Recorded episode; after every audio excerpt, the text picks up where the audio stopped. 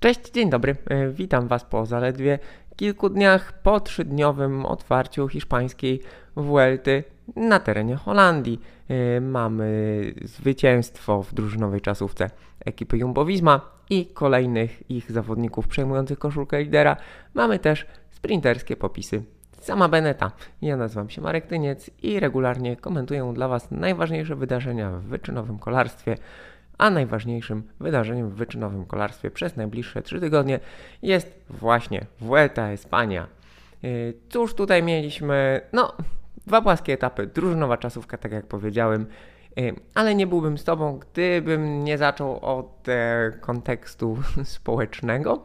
Yy, To znaczy, mm, wygląda to tak, słuchajcie, myślę, że warto docenić mm, to, co mamy i nie mówię tutaj o kolarstwie, ale o pewnej sytuacji w Europie, być może wyjątkowej, natomiast wyjątkowej z perspektywy y, historii, dziejów, życia i tak. Mm, Tym bardziej, że doświadczyliśmy niedawno sytuację, w której coś utraciliśmy. Mam na myśli fakt, że y, te etapy w Holandii, a szczególnie etap numer 3 e, w okolicach Bredy, był rozgrywany na pograniczu, na pograniczu belgijsko-holenderskim. To jest specyficzne miejsce w Europie w którym te granice w Europie zacierały się stosunkowo szybko. Mm, Jakby to jest serce Unii Europejskiej do pewnego stopnia, y, serce i, i, strefy Schengen i fakt, że kolarze mogli sobie meandrować po jednej i po drugiej stronie granicy, przejeżdżać em, przez miasteczka tak naprawdę bez jakiejś szczególnej różnicy, przynajmniej dla nas, bo dla lokalnych mieszkańców oni pewnie takie małe detale widzą, e, ale z naszej perspektywy trudno było się zorientować, czy kolarze są już w Belgii, czy jeszcze w Holandii. I tak naprawdę tego doświadczają e, lokalni mieszkańcy, tego doświadczają kolarze z okolicy, którzy po prostu trenują w tamtym terenie, e, wybierając drogi, które im najbardziej pasują. A tak naprawdę nie tak dawno, w 20 i w 21 roku, kiedy Europa się zamknęła w czasie pandemii COVID-u, no, wyścigi na przykład musiały być odwoływane z tej prostej przyczyny, że po jednej stronie e, drogi była Belgia, po drugiej stronie e, drogi była Holandia i jeden kraj miał większe restrykcje covidowe, drugi kraj miał mniejsze restrykcje covidowe, w związku z tym mm, nie można było tam rozgrywać e, wyścigu. E, No i koniec. E, koniec, wyścigu nie było. E, Oczywiście y, y, część y, nawet społeczności kolarskiej ma y, takie, a inne poglądy na temat pandemii. To nie jest zupełnie w tym momencie istotne. Istotne jest to, że fakt właśnie, że kolarze mogą sobie y, w terenach przygranicznych jeździć jak chcą, jest jakby szczytem góry lodowej, natomiast jest jakby wyrazem tego, do czego doszliśmy cywilizacyjnie. I myślę, że warto to celebrować. Warto to celebrować tak jak kibice właśnie holenderscy, belgijscy, niemieccy, francuscy z całej okolicy e, celebrowali mm, hiszpańską Vueltę, e, która zawitała do Holandii. W związku z tym, że hiszpańska Vuelta zawitała do Holandii, e, no to mamy dzień przerwy po zaledwie trzech dniach ścigania. E, w tych e, w tych takich wizytach zagranicznych e, wielkich turów mamy wspólny element, jeżeli chodzi o Tour de France i hiszpańską Vueltę. Na Tour de France, na Tour de France mieliśmy mieliśmy bohatera, który, lokalnego bohatera, który sobie tutaj atakował na górskich premiach. Obaj zawodnicy z Education First. E, Tym razem mamy e, Juliusa Vandenberga, e, Holendra, który atakował, który atakował na premiach górskich czwartej kategorii po to, żeby sobie zdobywać, e, żeby zdobywać mm, punkty, żeby cieszyć lokalnych kibiców, e, żeby tutaj wszyscy byli zadowoleni, żeby on był za, za, zadowolony, e, żeby jego drużyna była zadowolona. To nie było aż takie celebrowanie jak Magnusa Korta, Nielsena na Tour de France, no ale wciąż różowa koszulka Education First, premię czwartej kategorii w kraju, z którego pochodzi kolarz. i wszyscy się cieszą i fajnie. To jest ten sam rodzaj powiedzmy celebracji, co jakby walka polskich zawodników z reprezentacji Polski na Tour de Pologne. E, myślę, że może mogłoby się tak stać, aby ci nasi kolarze jakby jeszcze bardziej, e, jeszcze bardziej tutaj byli, to nie chodzi o to, że oni nie są zaangażowani, tak, ale żeby tej walk, walce na przykład o, o koszulkę najaktywniejszego na Tour de Pologne, żeby dodać jeszcze trochę jakiegoś takiego kolorytu, bo kolarze Education First ewidentnie w tym roku pokazują, że to jest fajne i że, że można z tego zrobić jakiś event. E, I myślę, że tutaj y, możemy się, możemy jakby się tego tutaj od nich, y, od nich nauczyć. I to tak naprawdę jeden z, highlightów, mimo właśnie, że to premie czwartej kategorii, jakieś małe pagórki w płaskim terenie teoretycznie zupełnie nieistotne, ale to jest coś, co podczas takich y, sprinterskich początków wielkich turów mm, zwraca uwagę, możemy o tym mówić, sponsor ma ekspozycję, wszyscy są zadowoleni. Jeżeli chodzi o ekspozycję sponsora i też takie akcenty, powiedzmy, no jakby na to nie patrzeć, na, narodowe, no to fakt, że drużyna Jumbo-Visma e, tutaj prowadzi klasyfikacji generalnej podróżnowej czasówce, że oni wygrali tą drużynową czasówkę, że są właśnie holenderską, choć międzynarodową, ale jeśli chodzi o skład, ale zarejestrowaną w Holandii, jeżeli chodzi o management, są holenderską ekipą. Nawet jeśli ich liderem jakby na klasyfikacji generalną jest, jest Słoweniec, no to tutaj fakt, że holenderska ekipa e, jakby prowadzi w Holandii, że e, pierwszym liderem e, został Robert Hessing, że to on e, jako pierwszy minął linię mety podczas drużynowej czasówki. To było zaplanowane, żeby nie było wątpliwości, to było zaplanowane. Mm, pierwszym celem drużyny Jumbo Visma było to, żeby e, czasówkę drużyną wygrać, żeby wyprowadzić Roglicza jak najwyżej w klasyfikacji generalnej i założenie było takie, że jeżeli ten cel będzie osiągnięty na kilkaset metrów, na kilometr przed metą, to wtedy jako pierwszy linię mety mm, mija Robert Hessing. Tak się stało. Robert Hessing, doświadczony zawodnik, miał wiele znakomitych wyników na swoim koncie, ale też tak naprawdę on jest bardzo wiernym, lojalnym, e, cennym pracownikiem e, drużyny Jumbo Visma. E, bardzo często właśnie tacy kolarze przy takich okazjach dostają tę swoją chwilę chwały, to znaczy Hessing został jednodniowym liderem miał koszulkę, ma koszulkę, będzie mógł sobie oprawić w ramy, powiesić e, w miejscu, które w swoim domu ma, gdzie e, jak to kolarze mają w zwyczaju, gdzie te najcenniejsze trofea, trofea trzymają, no i po zakończeniu kariery przypominają im e, o, przypominają ich o tych wyjątkowych, wyjątkowych chwilach.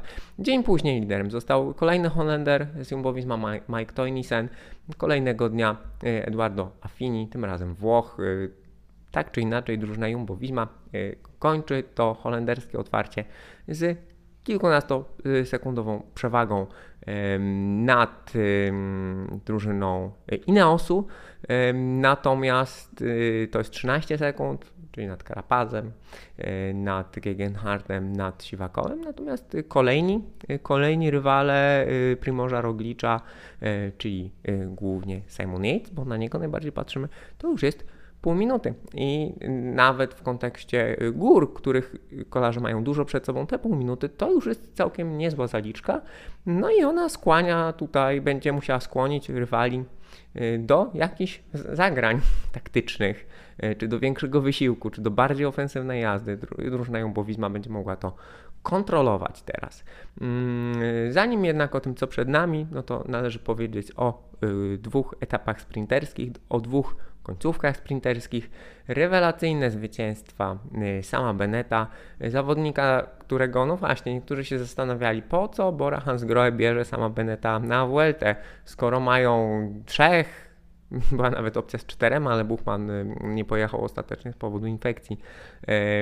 Ale mają no, w zasadzie mają e, Hindleya, Igitek, e, Keldermana, samych liderów na klasyfikację generalną, kto będzie tam w górach pracował. Mm, może zamiast Beneta trzeba było zabrać jakichś pomocników w góry.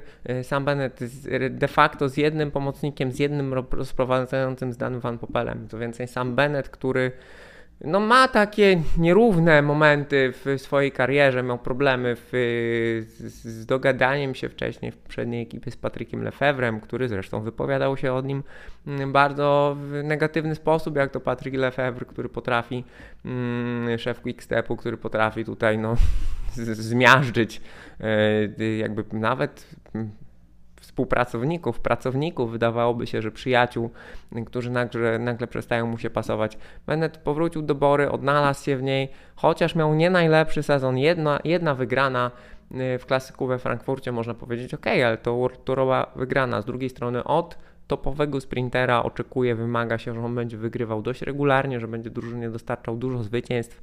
Na szczęście Bora jest w takiej sytuacji, że w ich drużynie wielu kolarzy, wielu kolarzy wygrywa na przestrzeni całego sezonu. Ewidentnie ta drużyna odnalazła się znakomicie po odejściu Petera Sagana, e, a Bennett odnalazł się po tych chudszych miesiącach.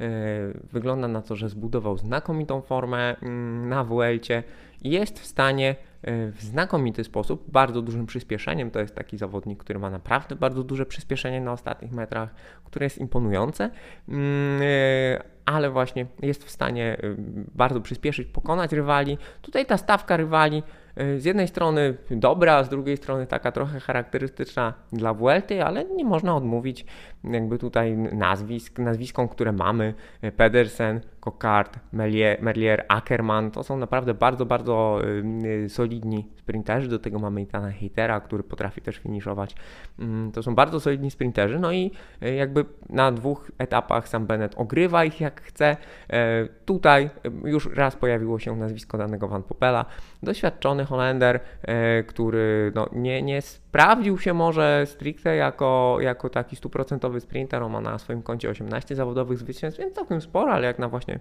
takiego aspirującego topowego sprintera, to, to nie jest może rewelacja, natomiast y, on ma 29 lat yy, i wypowiedział się gdzieś y, niedawno, że on chce być najlepszym rozprowadzającym na świecie. Czyli jakby chce zastąpić w tej roli, czy, czy pokonać Michaela Morkowa, który uznawany jest za, za najlepszego rozprowadzającego. Wcześniej taką postacią był Mark Renshaw. E, obaj zresztą współpracują, współpracowali z Markiem Cavendishem. E, tutaj Dan Van Poppel e, no, robi rewelacyjną robotę dla samego Beneta. On jest go w stanie tutaj na obu tych finiszach wyprowadził go z trochę dalszej pozycji, na tyle odległej, znaczy jakby z tej pierwszej czołowej grupy sprinterów, ale na przykład na finiszu drugiego, trzeciego etapu, czyli tego w Bredzie, e, tak naprawdę na ostatnim kilometrze mm, oni szli zupełnie drugą stroną drogi, gdzieś trochę dalszej pozycji. Iwan Popel na, na tyle dalszej, na tyle gdzieś z boku, że nie było w ogóle Van Popela i Beneta widać przez dużą część ostatniego kilometra w transmisji telewizyjnej i dopiero już samo to wykończenie przez Beneta yy, jakby mogliśmy oglądać. E, Van Poppel go rewelacyjnie wyciąga z tej troszkę dalszej pozycji, rewelacyjnie napędza, mm, a Bennett jest w na tyle znakomitej dyspozycji, że tutaj e, no, wygrał dwa etapy z rzędu. E, w zasadzie ten wyścig jest dla niego rozliczony i pewnie zobaczymy go dopiero, pewnie zobaczymy go dopiero w akcji w kolejnym tygodniu zmagań. No bo właśnie w ten sposób mogę, mogę przejść do tego, co przed nami, a raczej co przed kolarzami. Wracają, przenoszą się właśnie do Hiszpanii, a konkretnie do kraju Basków, północ, Półwyspu Iberyjskiego. I mamy e, trzy etapy, dzień po dniu, każdy trudniejszy. E, zaczynamy od e, niewielkich górek e, we wtorek z takim dynamicznym finiszem. Ostatnie 2 km, mm, około 100-110 metrów przewyższenia. Wcześniej premia górska trzeciej kategorii, natomiast mimo, że podjazdy są, nie wszystkie podjazdy są kategoryzowane, to na 153 km mamy w sumie 6 górek. Zatem dobry dzień z jednej strony dla ucieczki. Myślę, że drużyna Jumbo-Visma chętnie by się pozbyła tutaj bagażu w postaci koszulki lidera przynajmniej na kilka dni, więc możliwe, że ucieczka, ale z drugiej strony e, klasyfikacja generalna jest istotna, trzeba być czujnym i będzie to taki dynamiczny finish, będzie pierwszym testem dla Primorza Roglicza. W środę taki bardzo, bardzo typowy etap dla krajobasków, zarówno dla mm, wyścigu dookoła krajobasków, jak i dla wyścigu klasyka San Sebastian. Etap do Bilbao, mm, cały czas y, podjazdy o przewyższeniu około 300 metrów, 300-400 metrów z poziomu morza y, nieregularne, mm, o zmieniającej się stromiźnie. Mm, ostatni, ostatni na około 20-25 km przed metą. Y, trzeba być czujnym, bo można stracić. Y, natomiast czwartek to pierwszy duży pierwszy duży finisz na podjeździe, tutaj już przewyższenie praktycznie 1000 metrów, y, także jeżeli chodzi o sam finałowy podjazd, mm, zatem no, test mocy do masy, zmienna stromizna znowu, wcześniej z kolei premia pierwszej kategorii. Y, dość długi etap 180-km. Trzeba pamiętać, że etap do Bredy holenderski to był w ogóle najdłuższy etap na tegorocznej Welcie 193 km. E, więcej nie trzeba tak naprawdę, żeby była fajna rywalizacja. E, zatem w czwartek mamy pierwszy duży finisz na podjeździe. E, myślę, że ten tryptyk wtorek, czwartek E, to będzie taki naprawdę pierwszy, pierwszy duży test e, czujności, formy. To pokazuje też, że na tej WLT trzeba być w dobrej dyspozycji od samego początku. E, w związku z tym zawodnicy po kontuzjach, tacy jak na przykład Primoz Roglic, no tutaj będą pod dużą, dużą presją. Z, drugo, z drugiej strony myślę, że akurat tutaj ten układ ym, powinien mu pasować. Yy, no i yy, do, dowiemy się, tak, czy, czy Rogli, czy jest faktycznie w formie na wygranie tego wyścigu, czy nie. Yy, piątek to jest dość specyficzny etap, w połowie premia pierwszej kategorii, bardzo, bardzo długi podjazd, w zasadzie prawie 50 km pod górę, co oznacza, że no na dużą wysokość, na 1600 metrów, natomiast no niewielkie nastromienie, kolarze wjeżdżają na płaskowyż, pewnie część sprinterów tam odpadnie, pewnie jakiś klasykowiec lub mocniejszy sprinter, no myślę, że na przykład Ethan Hater, e, może to e, spokojnie przetrzymać i od tego momentu mamy jeszcze 70 km właśnie po płaskowyczu do mety tak lekko, lekko w dół, mm, już jakby bez żadnych atrakcji. Następnie etap ósmy i mamy następny finisz na podjeździe. E, stromy po drodze, dużo górek, krótki, dynamiczny etap 150 km, e, ciężki podjazd do mety. No i niedziela, taka klasyczna, jedyna tak naprawdę, taka najbardziej klasyczna ścianka do mety na hiszpańskiej Vuelcie, wyrastająca znów prawie z poziomu morza. 4-kilometrowy podjazd o stromiźnie ponad 12%. W związku z tym widzicie, że ten tydzień będzie no, ciężki, jeżeli chodzi o y, przede wszystkim koncentrację. Będzie wymagał od kolarzy y, dużej dynamiki, y, dużej czujności. No i tak naprawdę zobaczymy już myślę, że realnie w połowie tego tygodnia wyklaruje nam się klasyfikacja generalna na tyle, że na tyle, że będziemy mogli mówić już stricte o faworytach tego wyścigu, bo teraz ta sytuacja, zwłaszcza po drużynowej czasówce z różnicami do minuty między w zasadzie wszystkimi drużynami jest wciąż otwarta. No i realnie, co sam Bennett mógł zrobić w Holandii, to zrobił, bo sprinterzy do głosu dojdą dopiero, słuchajcie, dopiero w następną środę w ostatnim dniu sierpnia. Także moi drodzy, to by było na tyle. Dziękuję Wam bardzo za uwagę. Do zobaczenia, do usłyszenia. Cześć.